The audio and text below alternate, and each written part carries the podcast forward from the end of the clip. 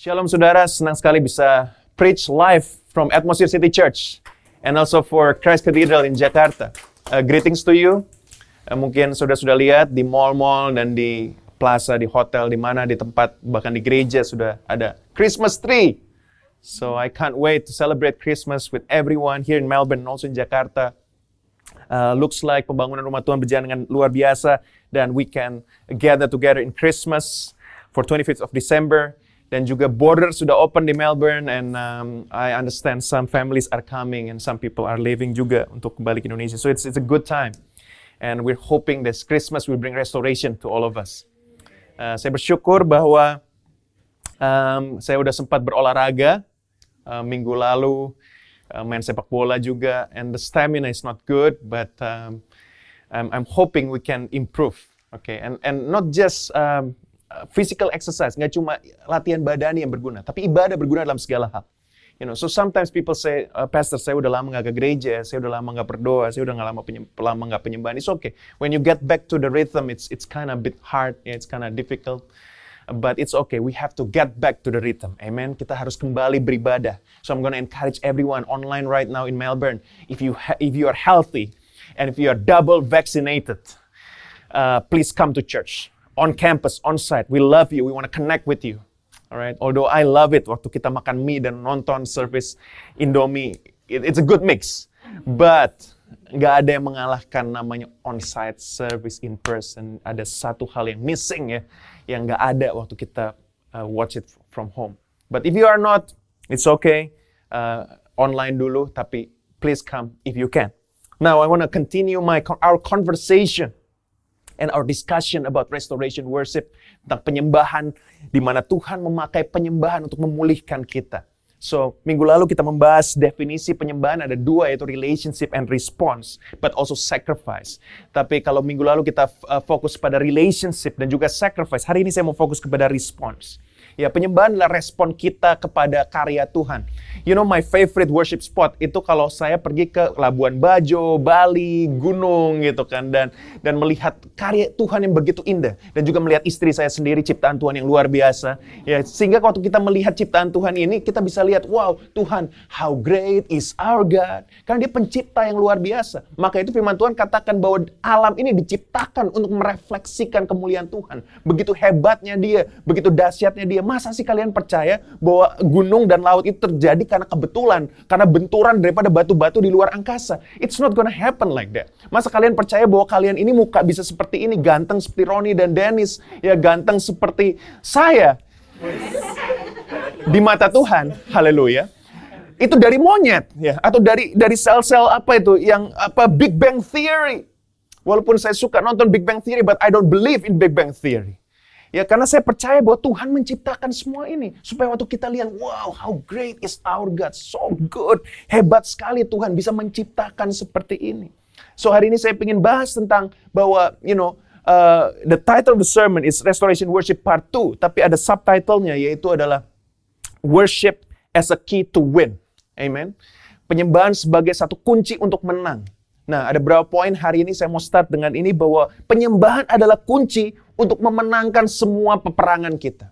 Ingat firman Tuhan bilang di Efesus 6 ayat 12, peperangan kita bukanlah melawan darah dan daging, tapi melawan pemerintah-pemerintah, melawan penguasa-penguasa, melawan penghulu-penghulu dunia yang gelap ini, melawan roh-roh jahat di udara. Kalau ada orang yang mencoba menghancurkan keluarga contohnya, ya ada will, ada pill, ya wanita idaman lain, pria idaman lain, orang ketiga, pihak ketiga, dan lain sebagainya. Peperangannya bukan lawan cewek itu, peperangannya bukan lawan cowok itu, peperangannya melawan roh. Karena roh tidak suka keluarga bersatu. Roh tidak suka keluarga itu nggak cerai, nggak suka. Maka itu tingkat perceraian saya kaget sekali. Minggu lalu saya berkot uh, mengajar di kelas Empowered Marriage. Tingkat perceraian di dunia ini sudah di atas 50%. Jadi perceraian lebih banyak yang gagal daripada yang tidak gagal ya. Dan sekarang ada yang namanya singlehood, apa uh, jomblohood di di Indonesia. Jadi bukan womanhood, bukan manhood, tapi jomblohood. Jadi perempuan-perempuan menunggu, oh sorry, waithood ya. Jadi menunggu lebih lama sampai umur 35, sampai umur 39, bahkan 45 baru memutuskan menikah. Yang pria juga bahkan 50, ya 52 baru menikah, punya anak umur 56. Kenapa? Karena ketakutan dengan statistik seperti ini. Tapi sebetulnya peperangan kita itu bukan melawan court, bukan melawan hukum, bukan melawan apa itu? Temptation bukan, tapi melawan roh. Kan roh tidak suka kalau keluarga tidak bercerai. Ya misalnya teman-teman di, diserang bisnisnya. Now, think about it. Saya udah FC, saya punya dua FC uh, yang saya selalu sharing dan berfellowship ya di uh, secara online. Semua bicara financial problems. Semuanya. Teman-teman ngomong sama tukang beca, udah nggak ada tukang beca sekarang. Gojek, sampai business owner, semua struggling with financials. Dan guess what? From financial, suami istri berantem. Ya kan? From suami istri berantem, anak kena, stres anak di rumah pergaulan yang buruk, keluarga berantakan. Semua dari apa? Uang kan. Jadi peperangan ini bukan lawan uang, tapi roh mamon sebetulnya. Betul gak? Roh mamon kan. Now think about it. Ini, ini luar biasa. Saya udah mikirnya berulang kali. Ngobrol sama orang-orang yang kaya misalnya, atau atau yang diberkati lah, yang memang level kehidupannya sudah nyaman. Loh kok anak cuma satu? Oh iya sekarang sekolah mahal. Makanan mahal, bener Anak cuma dua, sekolah mahal. Tapi petani-petani anak sepuluh. Sembilan. Nggak ada yang kelaparan tetap Tuhan pelihara kok. Yang cinta Tuhan ya, tapi Tuhan udah berjanji. Jadi orang kebanyakan mikir, oh saya nggak bisa afford, saya nggak bisa berkeluar, saya nggak nggak bisa. Udahlah, pas, uh, setiap saya tanya anak muda yang masih jomblo, kenapa kamu kok nggak cari pasangan? Ya pastor is okay, you know, karena aku aku cari kerja dulu. Where is the level of faith? Saya ketemu satu teman, saya sudah lama gak ketemu. Dia kerja santai part time. Ya part time, nggak nggak nunggu jadi CEO dulu, nggak nunggu jadi manajer. Sudah menikah, sudah punya anak satu. Lucu lagi anaknya. Karena Tuhan pelihara. Nah, khotbahnya kok jadi anak, Pastor? No, no. Saya khotbah apa? Kita ini punya roh kekhawatiran. Yang berlebihan. Selesai exam, stres, gak bisa tidur. Stresmu itu tidak akan menambah nilai ya. Oh, semakin saya, karena saya stres lima hari gak bisa tidur, itu naik lima marks. Gak ada seperti itu. Gak ada kan. Tuhan Yesus sudah bilang, apakah kekhawatiranmu menambahkan saat jalan? Gak ada uang Tuhan, gak ada uang. Gak bisa tidur, mikir lima hari itu kita punya roh kekhawatiran yang harus diperangi. Kita punya roh mamon, cinta uang yang harus diperangi. Kita punya roh perpecahan yang harus diperangi, kepahitan. Ini semua worship is the key to winning all of our battles. Semua peperangan kita kuncinya di, di penyembahan. Nah, saya berikan bukti buat teman-teman. Sadak, Mesak, Abednego. Itu masalah apa itu? Nebukadnezar minta apa? Sembah saya, betul kan? Mereka mau nyembah Tuhan. Yang diserang apa teman-teman? Penyembahan yang diserang. Ya saudara yang diserang apa? Penyembahan yang diserang. Itu bukan serang apa ego. No, no, no, no, no. no. Dari dulu apa? Darius. Daniel masuk gua singa apa? Penyembahan. Isu penyembahan. Semua itu isu penyembahan. Kain kenapa bunuh Abel? Habel. Apa itu? Penyembahan kan? Dia iri penyembahannya ini diterima. Saya tidak diterima. Semua itu penyembahan yang diserang. Esther, penyembahan yang diserang. Semua penyembahan. Oh, jangan ada padamu Allah lain di hadapanku. Bangsa Israel temptationnya apa? Menyembah Baal. Penyembahan lagi yang diserang. Jericho jatuh, itu bukan pakai tank, bazooka, rocket launcher. Bukan. Pakai apa? Sorak-sorai, benar. Penyembahan yang menghancurkan tembok. Karena iblis tahu penyembahan menghancurkan tembok, tembok dalam hidupmu. Maka iblis mau membungkam mulut kita supaya kita stop menyembah Tuhan. Come on. Yang diserang penyembahan lah. Pastilah. Oh enggak, yang diserang hati kecewa. Hati kecewa nggak nyembah dong, benar tuh. Gak mau ke gereja lagi, gak mau penyembahan atau ke gereja tapi diem aja. Udah capek. Mau sembah Tuhan. Kayaknya percuma saya berdoa. Kayak percuma saya sembah. Battle is won at the spiritual level. Salomo dari sembah Tuhan. Dia bahkan bukan hanya menyembah Tuhan teman-teman. Dia membangun bait Tuhan. Kurang apa lagi? Tahu jatuhnya gimana? Istrinya 300, gundik 700. Setiap istri membawa dewanya sendiri. Apa yang diserang di Salomo, penyembahannya lagi diserang. Bayangkan orang berhikmat gak nyembah Tuhan jadi sesat, benar kan? Kamu mau IQ-mu 150, 142, 147, bahkan bisa menemukan vaksin terbaik dunia, tapi kalau kamu tidak punya penyembahan yang tepat, kalau kita tidak punya penyembahan yang dipulihkan, maka sia-sia semua achievement kita.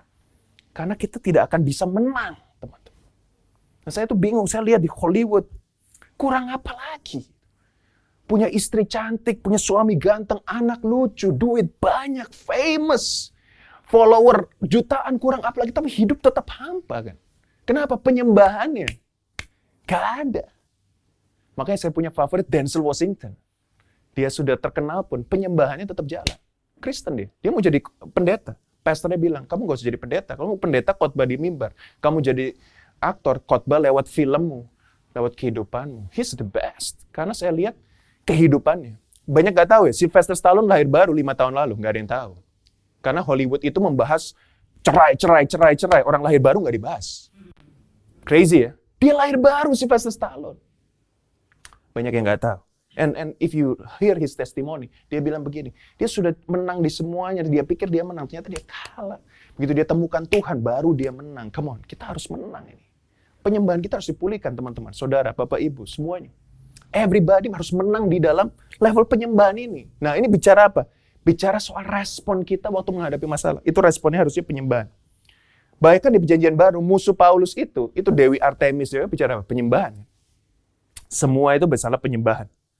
Saya dari kecil loh, itu tergila-gila dengan dewa-dewa itu. Yunani itu. Gara-gara tahu nggak apa? Nonton film Hercules.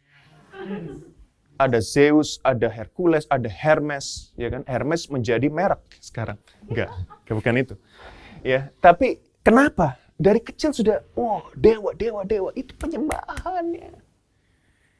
Now, I want to share with you, tapi teman-teman pasti pikir, saudara pikir, tapi pastor, kadang saya capek punya good news for you. If you are tired of worshiping, I have good news for you. Kita mau bahas hari ini di Keluaran 17 ayat ke-7 sampai ke-16. Cukup panjang, saya akan pecah-pecah ke ayat ini. Saya berikan satu narasi dulu ya. Pernah dengar teman-teman ceritanya Musa ya diprotes sama bangsa Israel karena haus. Lalu dia harus getok, ya, dia harus getok satu batu keluar airnya. Dia namakan tempatnya Musa dan Meribah. Sebetulnya dia harus ketuk sih. Terus dia marah, ingat gak? Dia marah, dia pukul. Kan? Lalu Tuhan hukum dia, dia nggak bisa masuk ke tanah perjanjian. Ceritanya itu di Keluaran 17 dan di bilangan 20, tapi saya bahas Keluaran 17. Ada yang bilang ini dua separate event, tapi menurut saya ini satu sebetulnya. Jadi waktu itu orang Israel berantem dan marah, dia tuduh Musa. Kamu bawa kita ke sini untuk mati. Lalu Musa menamai tempat itu Masa dan Meribah, artinya temptation and fighting. Teman-teman saat ini merasa nggak hidupmu itu penuh dengan ujian, dan fighting. Bukan kamu yang berantem, orang tua mungkin, keluarga, business partners, people around you fighting. Kayak hidup tuh gak pernah damai.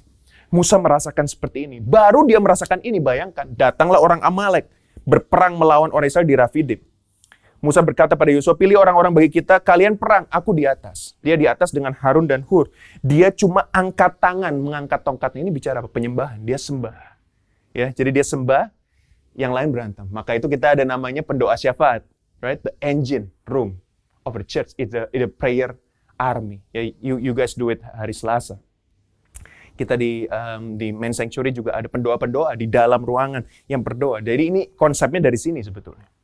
Nah, di sini dia berdiri lalu di ayat 11 bisa dilihat di ayat 11 teman-teman Quran 17 ayat 11 dan terjadilah apabila Musa mengangkat tangannya lebih kuatlah Israel.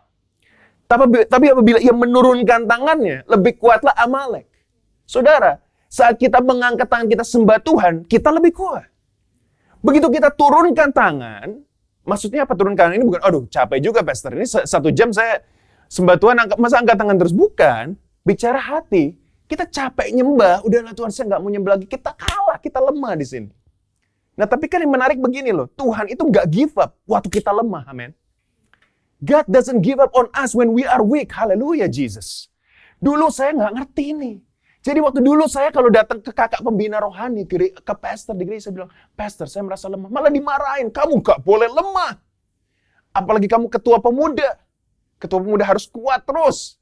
Sehingga walaupun saya hatinya hancur, datang gereja harus pakai fake smile. Ya, kalau teman-teman di sini nggak fake smile lah, semuanya original smile, authentic patai. Jadi benar-benar smile. Tapi saya dulu, kalau setiap saya bilang ke teman-teman, apalagi rohani, bro tolong doain gue dong, gue merasa lemah. Hah, lu lemah? Gak boleh lemah bro.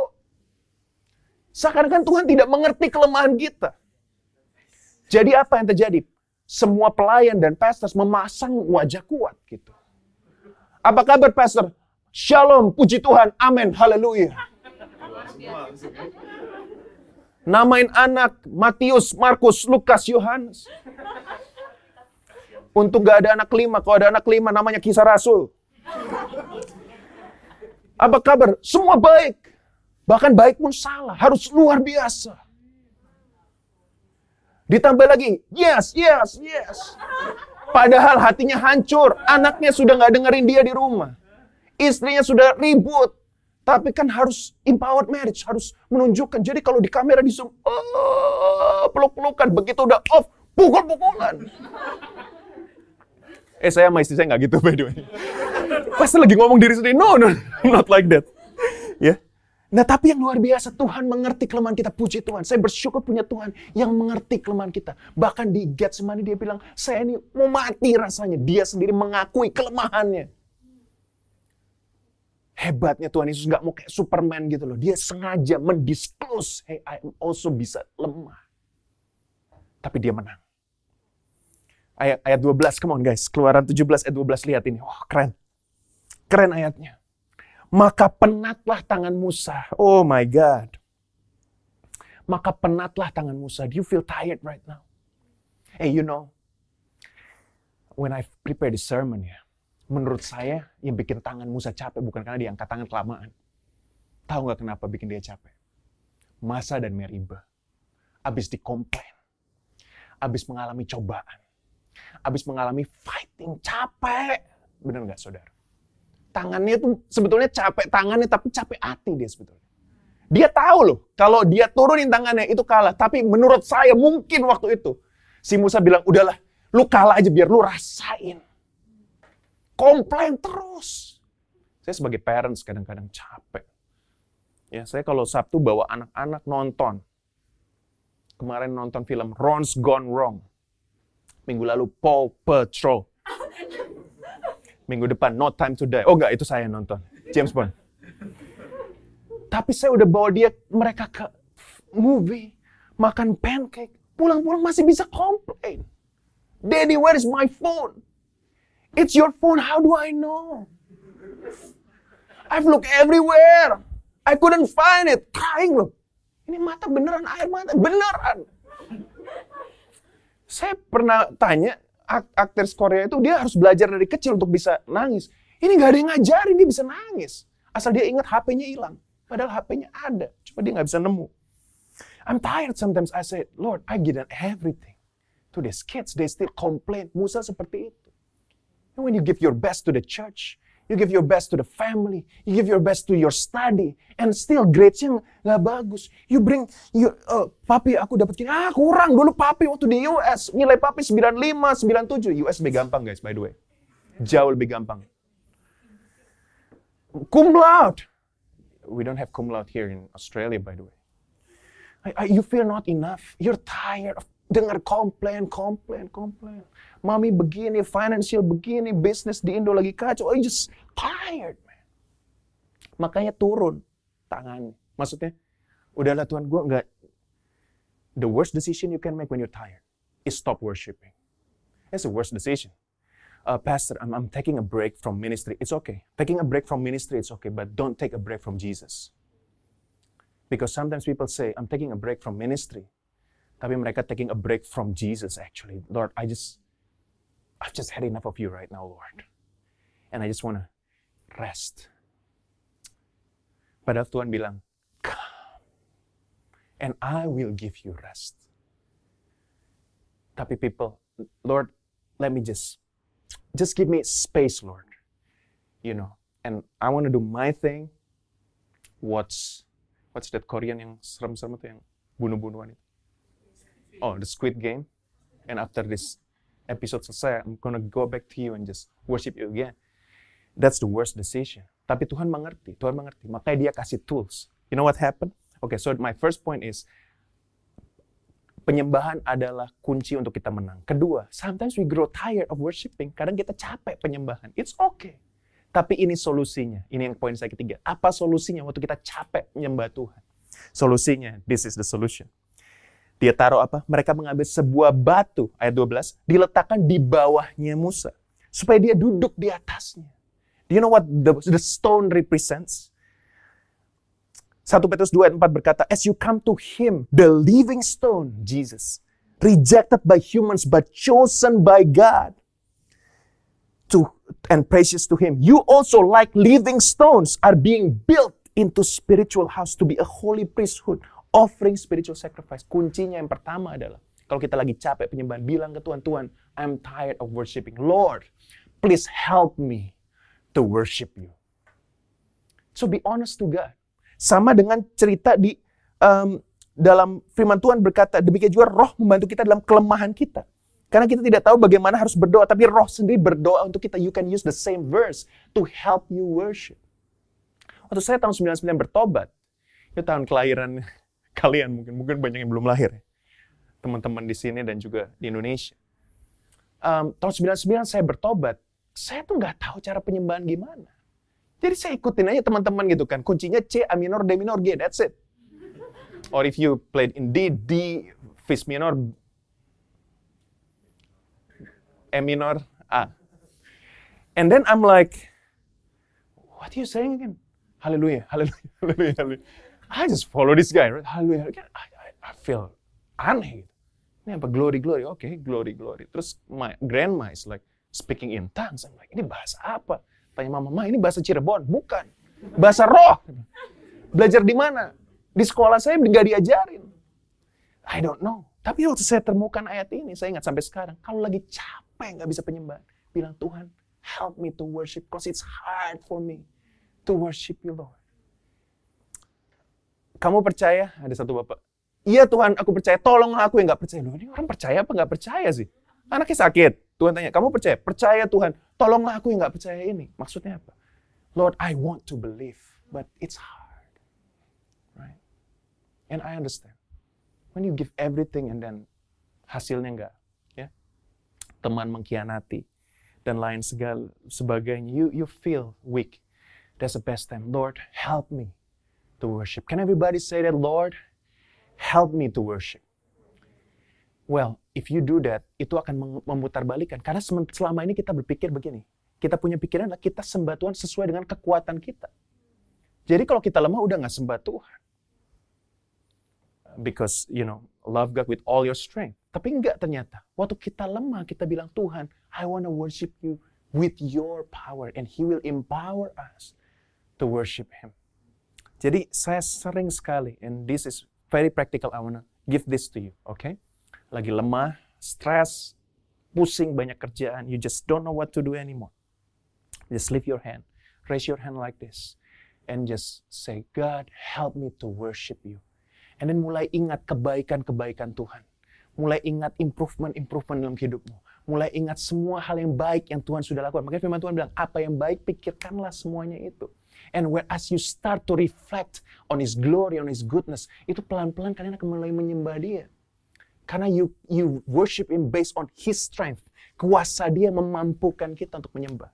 Beda dengan kita datang ke gereja dragging our feet. Udah capek, udah beban gitu kan. And then, aduh, haleluya, ya udah udah nggak ada suara. You can't even do it because you try too hard. Don't try too hard to please God. You know, Zayden lagi belajar jokes, so he he makes jokes all the time. Daddy, Daddy, I have a joke for you. Okay. What is a turtle? Gini gini gini. Terus dia bilang, ha, turtle head. I don't find it funny kan. Jadi, oke. Okay. Terus dia bilang, is it funny? No. Oh man, dia bilang. And he keep trying.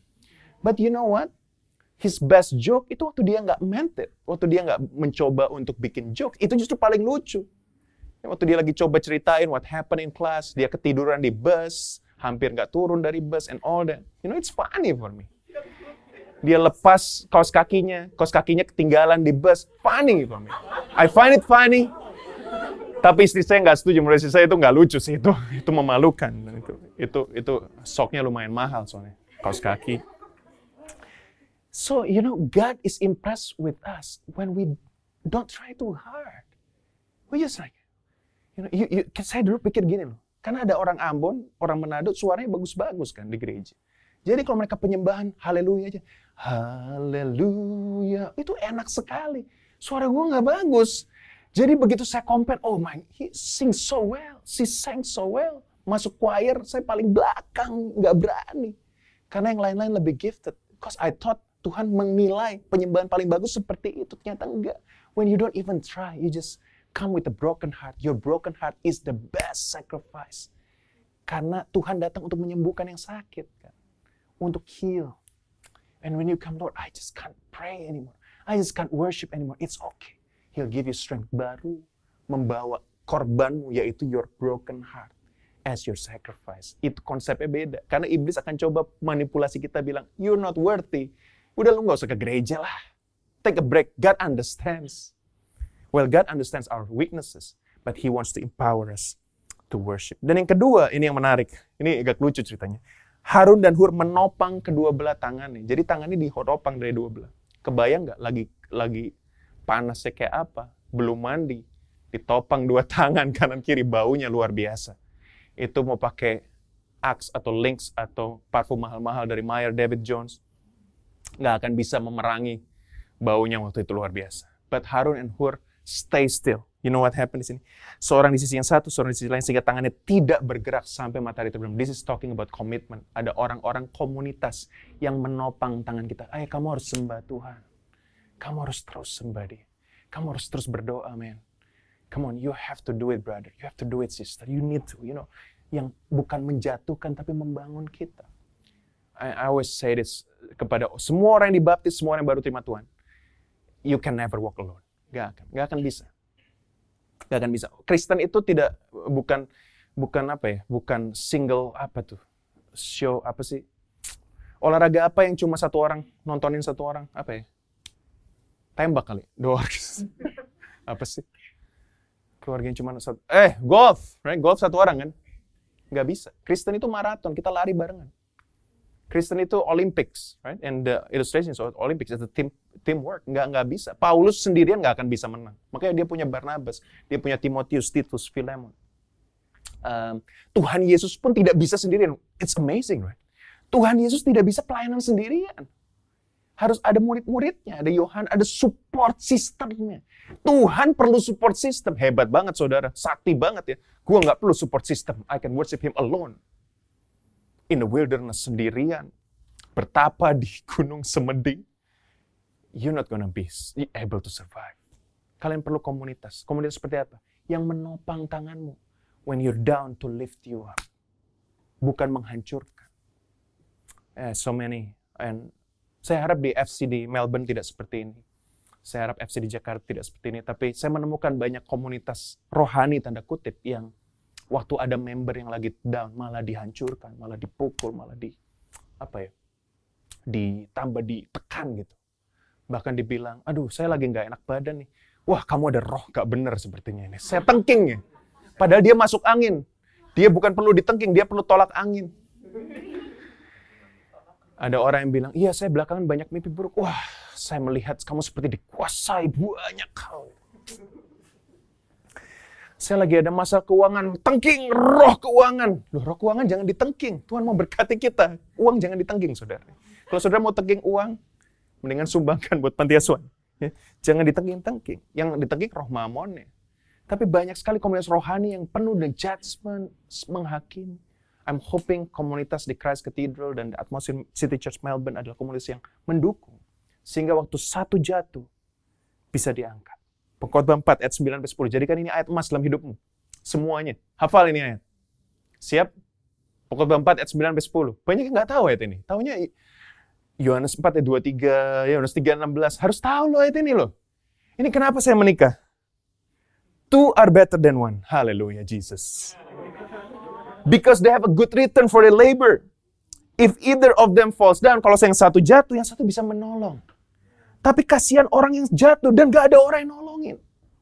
Dan ini kenapa Hawa diciptakan. Bukan untuk Adam having fun. Untuk tolong Adam waktu Adam jatuh. Walaupun akhirnya Hawa dipakai, ya dicobai dan akhirnya Adam jatuh. Tapi manusia itu gak bisa sendirian. You cannot walk alone. And I'm praying for all singles out there.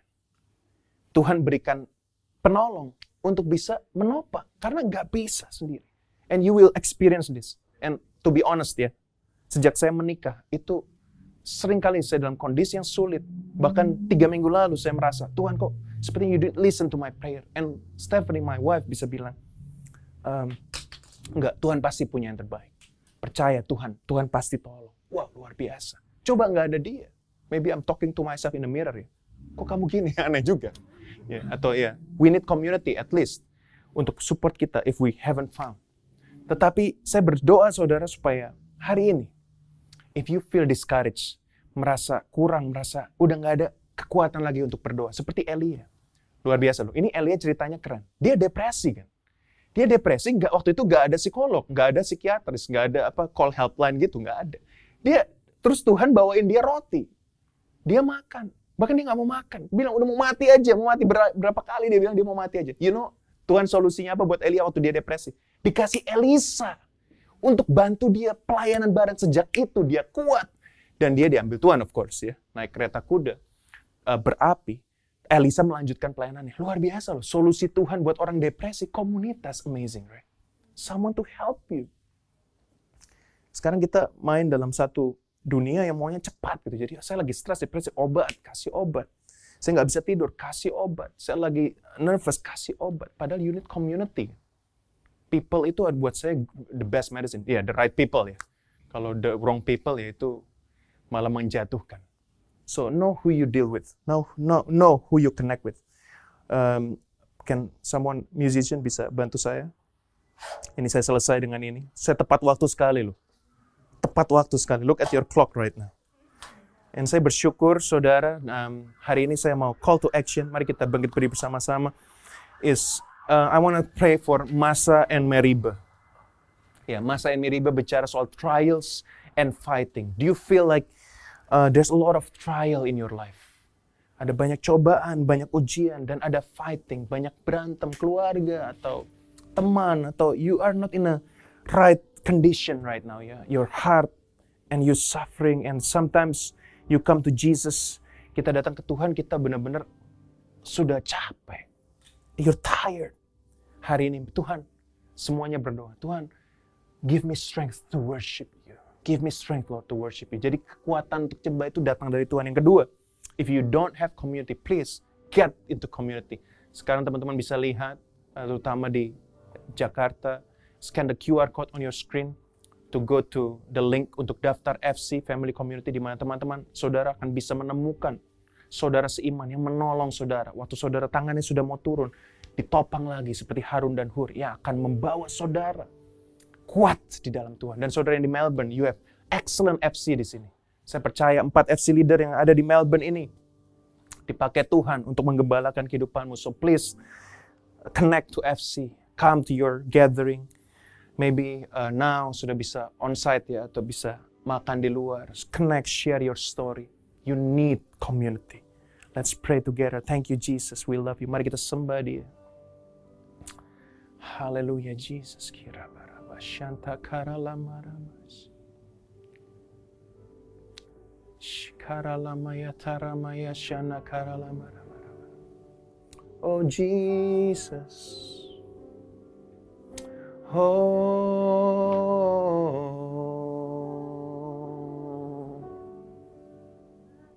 Terima kasih Tuhan. Are you feeling like Moses right now? Seperti Musa dia capek, capek hati. And you just raise your hand like him. Come on, Jesus, we love you, Lord. Mari semua angkat tanganmu sembah dia. Seperti Musa, kirara masyanta karala marama. Oh Tuhan. Shikara lama ya tara lama shanara lama. Jesus.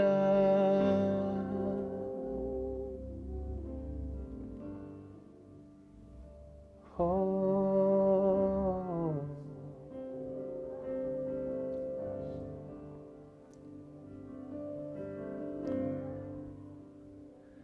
Kau sungguh indah tiada taranya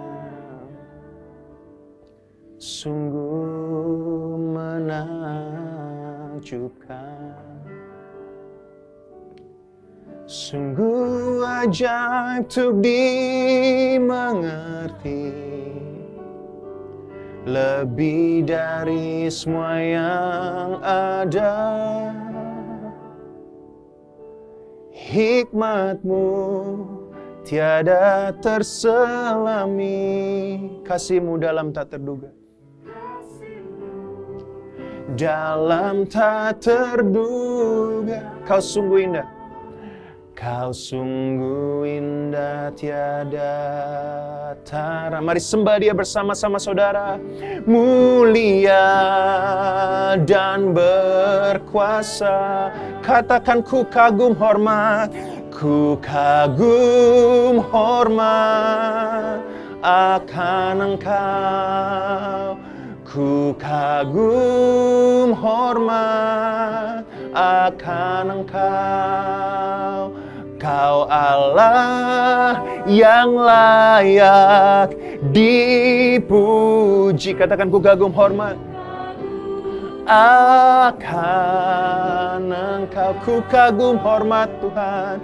Ku kagum hormat akan engkau.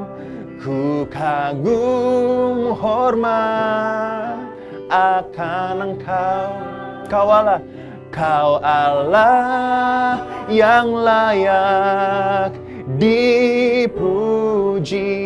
Ku kagum akan Mari teman-teman saudara yang di rumah saat ini, adakah saudara yang belum pernah menerima Tuhan Yesus sebagai Tuhan dan Juru Selamat dalam hidupmu? Jangan tunggu kesempatan lain, ucapkan doa ini bersama-sama dengan saya hari ini dan undang dia menjadi Tuhan dan Juru Selamat dalam hidupmu. Katakan Tuhan Yesus, hari ini aku menerima engkau sebagai Tuhan dan Juru Selamat dalam hidupku. Jadilah Raja atas hidupku. Hidupku tidak akan sama lagi. Karena Tuhan Yesus ada dalamku. Selamanya kau Tuhanku, selamanya kau Rajaku. Di dalam nama Tuhan Yesus, aku berdoa. Amin. Dan sekarang saya mau berdoa buat semua saudara saat ini. Mari arahkan tanganmu ke surga.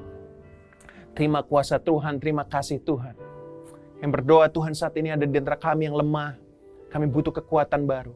Mari Bapa, Engkau kuatkan kami untuk kami bisa menyembah Engkau.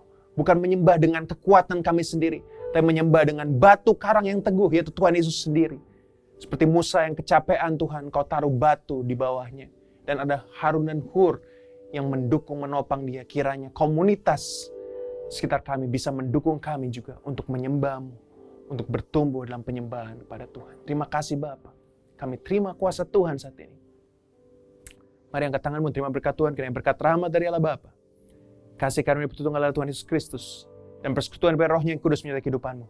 Mulai hari ini sampai Tuhan Yesus datang kedua kalinya. Sehingga engkau terus kuat menyembah Tuhan. Walaupun engkau lemah, engkau dikuatkan. Karena Tuhan Yesus yang memberikan engkau kekuatan untuk menyembah, menyembah dia. Dialah batu karang yang teguh. Di atas yang engkau berdiri. Untuk engkau sembah Tuhan. Di dalam nama Tuhan Yesus, biar engkau menang menjadi kepala dan bukan ekor. Ke mana pun engkau pergi, engkau menjadi berkat. Haleluya. Amin. Thank you for participating at Christ Cathedral Online Service dan juga Atmosphere City Church Melbourne. Kalau saudara tadi sudah terima Tuhan Yesus, scan the QR code on your screen untuk bisa download resources membantu kita bertumbuh dalam pengenalan Tuhan. Belum follow us on social media, please follow us, subscribe to our YouTube channel supaya tidak pernah ketinggalan berita penting yang disediakan oleh gereja. I'm gonna see you again online next week, same time, same channel, and in person on Christmas Day. God bless you. See you next time.